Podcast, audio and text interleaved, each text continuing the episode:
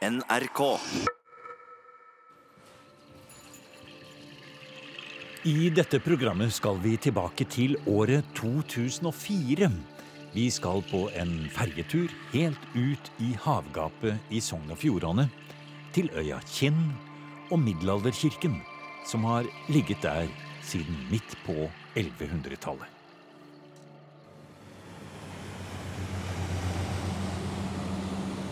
Vi står på Fugleskjærkaia i Florø og venter på at Fjordglytt, en av fylkesbåtene i Sogn og Fjordane, skal laste om bord folk og varer for å kjøre utover til øyene i Årebrottfjorden.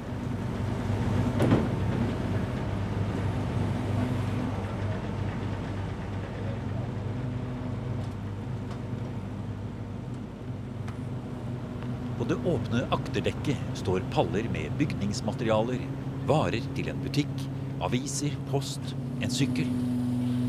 Mannskapet heiser i land med den hydrauliske lastekranen. Er det Kinn som er neste anløpssted, eller? Nei, nå er det først eh, Er Eller Fana. Ja. Nei, det er mange anløp igjen. Færøyna, Nekkøy, Skorpa, Rognaldsvåg. Vi skal være med helt til siste stopp. Til Kinn, helt ytterst mot havet. Der ser vi en høy klippe midt på den lille øya, med en smal brem av gressflater og hus helt nede mot fjæra.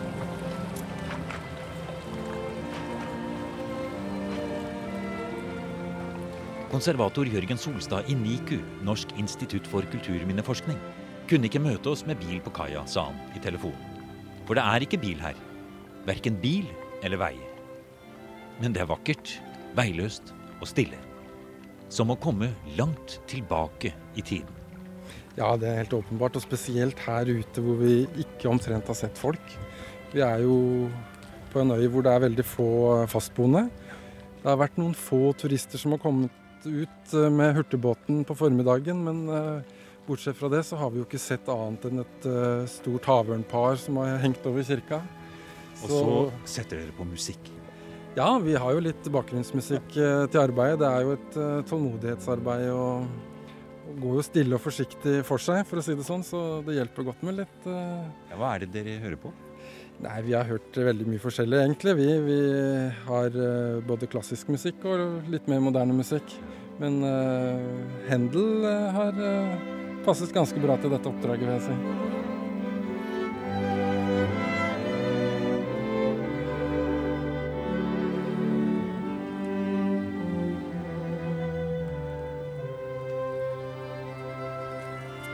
Oppdraget som NIKU har her på Kinn, det er å forsøke å bremse de nedbrytningsprosessene som virker på den store altertavlen i middelalderkirken. Vi er på vei dit ut nå, og vi går på en halvannen meter bred grusstrødd spaservei gjennom et kulturlandskap som kan ta pusten fra et hvilket som helst bymenneske. Her må vi nesten stoppe litt altså og se her, for dette synet her, en eh, stor, flott gresseng, en liten eh, sandvei som snegler seg fremover, og et rødt hus med torvtak, og så et fyr som ligger der ute, Solstad. Du som er eh, søring av deg, nær sagt, du får vel nesten ikke gjort noe arbeid, du går vel bare her og ser på den fantastiske utsikten? Ja, det er jo helt fantastisk her, og spesielt på det punktet her hvor vi fortsatt ikke ser kirka ordentlig. Og vi, vi ser heller ikke den meget spesielle fjellformasjonen som heter for Kloven, Kinnakloven. Men når vi går noen få meter til nå og runder en liten åsrygg, så, så kommer jo kirka for en dag og denne fantastiske Kinnakloven. Og når du da samtidig ser utover havet, Ja. og det er en dag som denne hvor sola skinner og det er nesten havbleike, så, så blir det jo nesten bergtatt, altså. Og det var vel kanskje nettopp denne fantastiske beliggenheten helt ytterst her i skjærgården som kanskje også er grunnen til at eh, øya en gang i tiden har hatt et eh, liv. For da var det kort vei ut til eh, fiskeplasser, og i de store sildefiskeriene så var det hektisk her. Ja, altså det, det, jeg har jo lest et sted at det var i de store sesongene på 1800-tallet så var det flere tusen mennesker som, som holdt til her ute på øya i, under fisket. Og det er jo kanskje også noe man glemmer i dag, hvor vi er vant med at all infrastruktur og, og samferdsel går på land. Altså dette var jo motorveien helt fram til ja, 1900-tallet. Havet, ja. Hva heter det fyret vi ser der? Det heter Ytterøyane fyr. Så det er jo det ytterste eh, Det er jo det ytterste Utafor der så er det bare hav, for å si det sånn. Ja. Lenger vest kommer man ikke. Nei, da er det Island og ja. Da er det Island. Dette er den moderne kirkeeieren. Istedenfor biskop Øystein i Nidaros og paven i Rom, er det Kinn kirkelige fellesråd som er tiltakshaver og kirkeeier. Det er kirkeverget Kurt Rylandsholm som er med for å se hvordan tilskuddet fra Riksantikvaren blir brukt, og for å være vår lokale kjentmann. Ja, da ser jo vi Hvis vi skal se rett vest her, så har du havet for så vidt rett ut. Ser vi nordover, så ser vi nordover til noen øyer der. Det er da Store Batalden, heter det, og Barekstad. Og så ser vi videre oppover til Bremanger, nordover der, i det fjerne. Ser vi eh, innover, eller østover, så ser vi innover til Årebråt, heter det der. Og, så en ser jo relativt langt da når en står her. Det er jo så åpent landskap at Og vi har gått forbi noen utrolig flotte små hus. Men eh, dessverre så er jo de fleste fraflyttet her nå på Kinn. Ja, der er ikke så veldig mange som bor igjen her nå. Det er vel for så vidt eh, tre familier, to eller tre familier som bor igjen. Eh, med en eh, til sammen fire til seks personer. Latåt grinda står det her. Det er sånn det skal se ut. Det er jo fortsatt litt eh, sauedrift her. Ja, Så nettopp. det er jo årsaken til grinda, først og fremst. At eh, den her der, det går vel en vet ikke, jeg, kanskje en 100 sau her, kanskje, til sammen.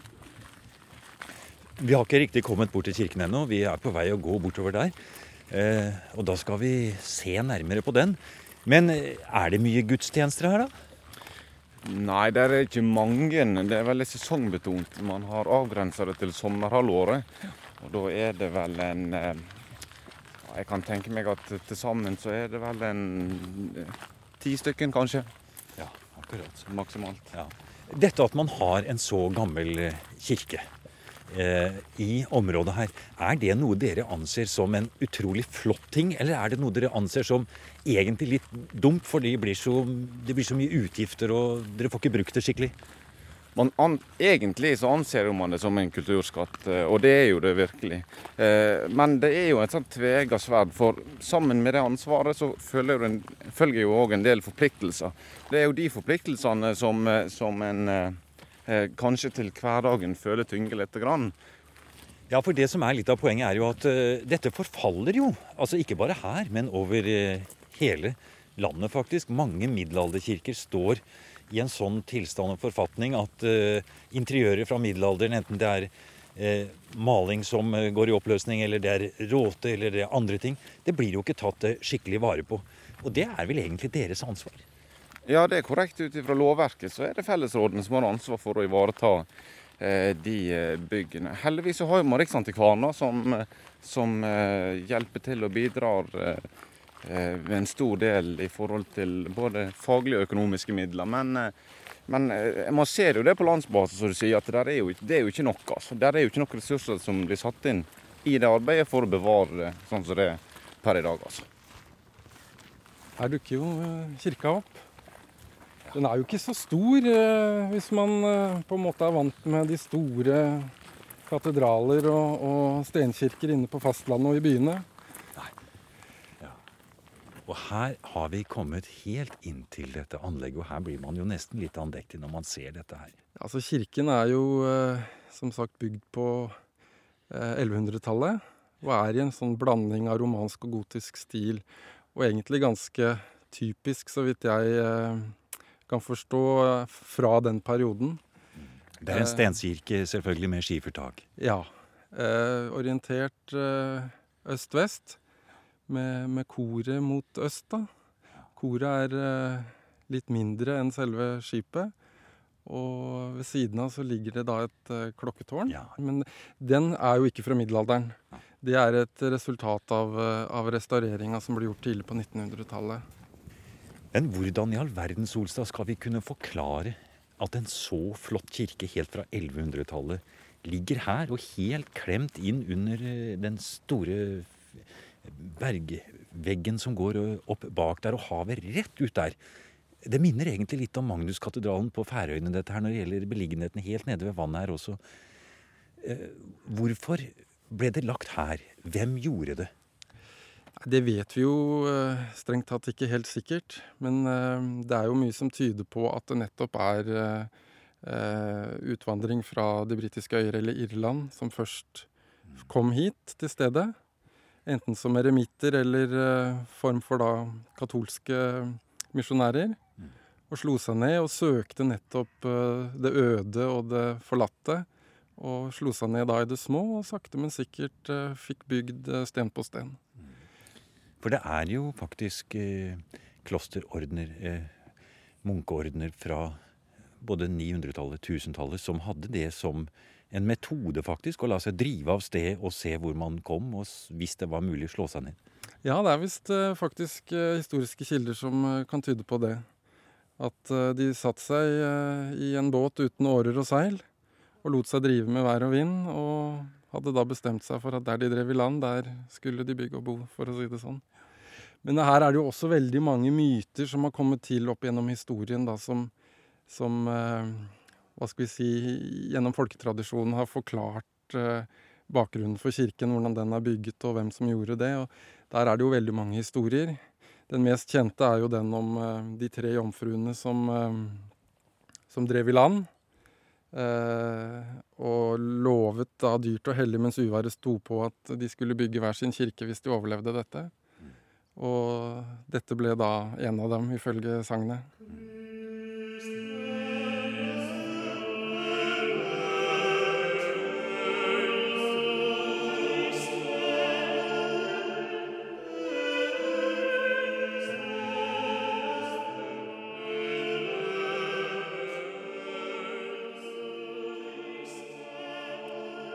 Sagn, myter og en helt spesiell følelse av å være på kirkehistorisk grunn har også gitt grunnlaget for Kinnaspelet, som hadde sitt 20-årsjubileum i år, med publikumsrekord og mer enn 3000 mennesker på valfart hit ut i noen små sommeruker. Men vi går inn i kirken og blir slått av et autentisk og vakkert interiør i en merkelig blanding av middelalder og barokk av katolsk og protestantisk trosverden. Ja, det som, det som er spesielt med, med, med, Kinn kirke, er jo at den uh, gir en, som du sier, veldig autentisk følelse når man uh, går inn. Men ved siden av det så, så oppleves, opplever man dette interiøret også med, med veldig mange forskjellige historiske epoker. Altså selve bygningskroppen, altså stenmurene og takkonstruksjonen, er jo middelalder Dvs. Si, takkonstruksjonen sånn som vi ser den i dag, er en eh, resultat av en restaurering tidlig på 1900-tallet.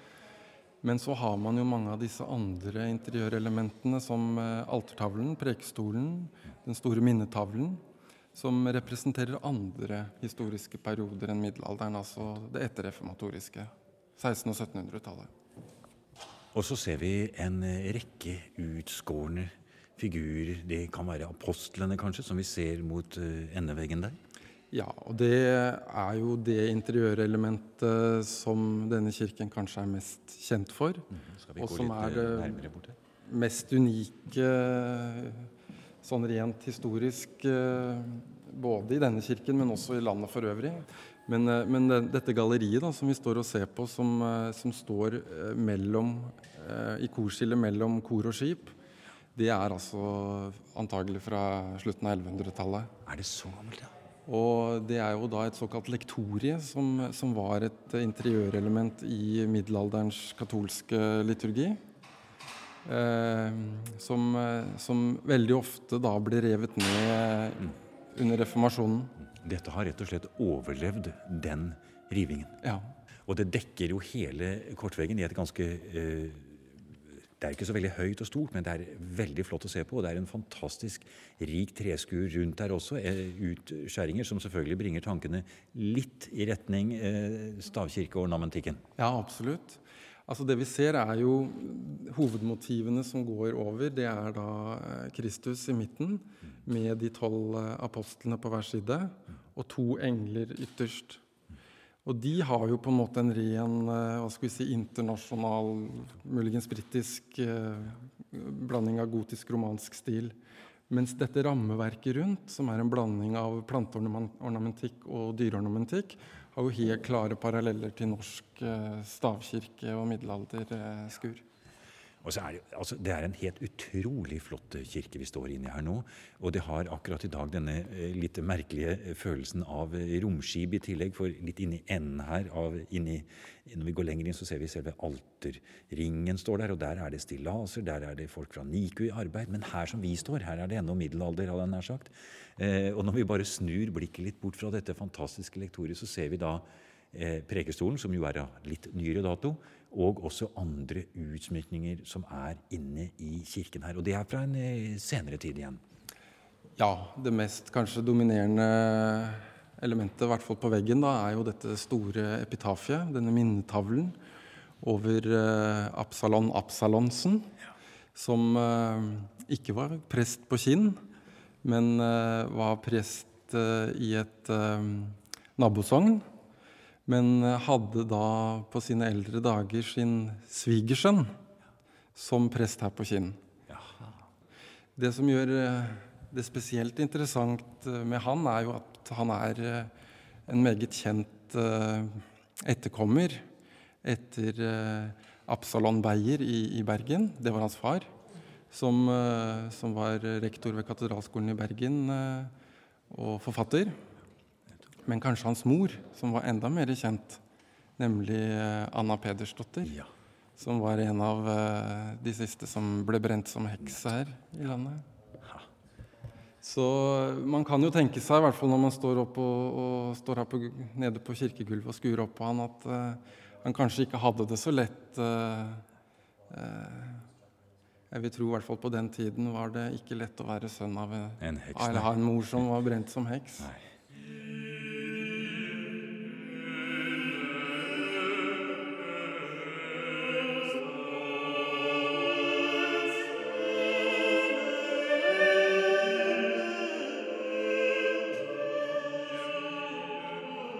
Og kanskje Absalon Absalonsen kunne finne trøst i å feste blikket litt lenger inn i kirken, på den opprinnelige altertavlen, hvor det var tre utskårne helgener i hovedfeltet.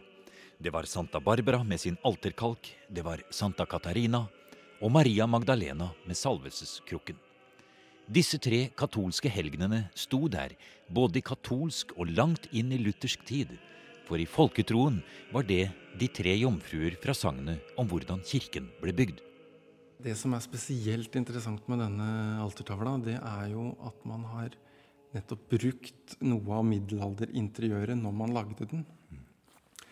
Altså Hvis man ser for seg den store kassen som utgjør hovedmotivet i tavla, så er det kassen hvor eh, opprinnelig disse tre middelalderfigurene sto. Mm, som vi ser på sidene her. Ja. Og der er de tatt ut av sin opprinnelige plassering og står nå plassert ved siden av koret. Det som, det som skjedde, var eh, Altså, tavlen ble skåret i 1640-årene. Da ble den ikke malt. Da var det kun trearbeidene. Og da er det veldig mye som tyder på at disse tre eh, helgenfigurene sto inne i hovedrommet hvor det i dag er malt et bilde. Det vet vi fordi hvis vi ser nøye på bakveggen i, i tavla, så er det åtte hull som korresponderer nøyaktig med åtte hull på disse tre figurene. Dette ble oppdaget av eh, kollega Rolf Johansen eh, i 1971. Eh, og han satt da disse figurene inn for å se om dette passet, og det gjorde det faktisk. Så skjer det at uh, i 1703, altså drøye 60 år etterpå, så vil de male tavla. Da tar de altså ut de tre skårne Madonna-helgenfigurene og maler hele tavla sånn som vi ser den nå. Det er da altså et predella-felt, som vi kaller det, med en inskripsjon. Det er et hovedmotiv over det, som viser eh, en korsfestelsesscene. Jesus på korset med Maria og Johannes på, på hver sin side. Så er det et mindre motiv eh, i etasjen over også sentralt, som viser Kristu oppstandelse. Det er oppstandelsen og himmelfarten, ja. Ja, ja, spesielt. Kan det være det at man har valgt å bytte ut disse tre eh, kvinnefigurene, de store treskulpturene, fra sentral plassering i altertavlen nettopp pga. det vi snakket om tidligere, overgangen fra den katolske og til den protestantiske måten å se ting på? Ja, det er jo det som gjør det så utrolig spennende og interessant at man her, lenge etter reformasjonen, faktisk har beholdt middelalderens og katolisismens uh, utsmykking som hovedmotiv i tavla. Det har jo antagelig blitt rettferdiggjort da, ved at man har uh, en Kristusfigur helt øverst. Helt øverst. Ja. Og da det lutherske formspråket omkransende, kan man si. Men det er jo ganske spesielt at man likevel, altså helt fram til 1700-tallet, har beholdt eh, eh, den katolske utsmykkingen eh, så fremtredende i kirka. Går vi helt inntil altertavlen her? Og det gjør vi fordi vi vil se hvordan det foregår når Niku behandler en altertavle fra middelalderen. Oppe på stillaset som dekker hele Golgata, finner vi også den engelske konservatoren Thierry Ford, som arbeider for NIKU. Why, why am I I'm uh, fully employed at uh, NIKU. Uh, men, men, er det noe å lære av den norske konserveringsteknikken og det arbeidet NIKU gjør, for en uh, engelsk fagmann? Yes. Uh, since I, my employment here at NICU, I've learned a lot to work with this glue sterling, especially for uh, Um, det heter limfargedekor, that you have a lot in the uh, stave churches. Jeg ser du har uh, dekket til den sentrale delen av Jesus på korset her. Yes. So um, this is Japanese paper, which is uh. Japan papier. So we we're using um, sturgeon glue, sterling. Det størlimet, det vet jeg at du har noe med å gjøre, Solstad? Ja, det er jo et uh, fantastisk uh, lim uh, som har vært brukt av oss konservatorer, også av kunstnere, opp gjennom historien, for å si det sånn. Ja, Er det en fiskelim, siden det heter stør? Ja da, dette er rett og slett svømmeblæren fra størfisken. Som da tas ut og prepareres på et spesielt sett. Og brukes da av oss til å nettopp fastlegge løs maling som er i ferd med å falle av og skalle av. Og du må ha helt rette temperatur på dette limet? Yes. So um, I don't want the glue to be too cold, but not too warm either. Okay. Because if it's too warm, then it loses its, uh, its uh, bonding properties. Okay. Så har du en liten pensel, og du har nå litt uh, japansk papir i hånden, ja. Dypper du penselen din oppi størlimet, ja. og så ser vi hva du gjør. Og så vi skal okay. Ja, OK. Here you can see that the, the paint is coming away, flaking. Mm. And uh, det skaller av litt her, det kan vi se. Ja. So the, the idea here is that we want to keep and uh, as much of the original as possible. Mm. And uh, so if I just were, were to brush the, the glue on top, mm. then I would be disturbing the flakes and losing. Mm -hmm. So du legger først på det japanske papiret inntil originalmalingen. Det gjør du nå. Så stryker du forsiktig over lim på utsiden, ja. ja. I want the glue to penetrate under, the, between the ground layer and the paint layer. And I just finish. I have a square of paper here, so I just okay. have to Og det vi ser, det som skjer her, yeah. er på denne lille firkanten som du har når, når du påfører limet, så går dette japanske papiret helt i ett med Ja, det blir helt gjennomtrukket av størelimet. Og vi ser nå er det japanske papiret helt nær sagt forsvunnet. Det har gått i ett med maleriet på en måte under? Ja, det er jo, det er jo uh, vannet i limet som på en måte gjør at papiret blir gjennomsiktig. Det, når dette nå har tørket, og vi har fått uh, også lagt litt varme og press på, og presset på plass oppskallingene, så, så, vil det bli tatt av igjen med litt fukt. Så kan man lett uh... Så da river man ikke av underlaget? Nei, det er det man nemlig ikke gjør. Man, og, ja, okay. Så resultatet av alt dette er at da får man den oppskalde malingen presset tilbake på plass. Festet tilbake, ja. Ja. Og det skal stå på en stund, slik at det limet under Ja, altså det, det viktige her er jo nettopp å få limstoff mellom malinglaget og underlaget. Så malinglaget sitter på plass igjen. Og, og fjerne mest mulig av det som da ligger på overflaten. Så det blir da stående nå til det er tørt, og så tar vi papiret av med litt fuktighet da når vi er sikre på at det er tørt. Jeg vet ikke om du kan se her, men Ja. til venstre for Kristus så er det jo en blå bakgrunn, en blå himmel, som er renset. Og hvis du sammenligner med den blåfarven til høyre for han som ikke er renset, så ser du en ganske stor forskjell. Det er stor forskjell, ja. For der ser vi hvordan det indigoblå, altså det, det dypere blå, skinner mer eh, frem. Det andre er grått, og noe av glansen er borte. Ja, her har du antagelig flere århundrer med, med, med støv og skitt. Det blir stor forskjell, ja. Så bare det i seg selv er en, eh, en stor forbedring av eh, hvordan hele dette flotte altertavlebildet vil fremstå. Ja, det kan du si. Den rent visuelle opplevelsen blir, vil bli forbedret. Og det er jo gjerne det som forbindes med det yrket vi utøver, nemlig den eh, estetiske forbedringen. Mens eh, kanskje det vi og de som er våre oppdragsgivere her, er mest opptatt av, og vernemyndigheter er opptatt av, det er jo nemlig å bevare mest mulig av det originale. Du har nå hørt en podkast av programmet Museum fra NRK P2. Og send gjerne en e-post til museum.krøllalfa.nrk.no. nrk.no.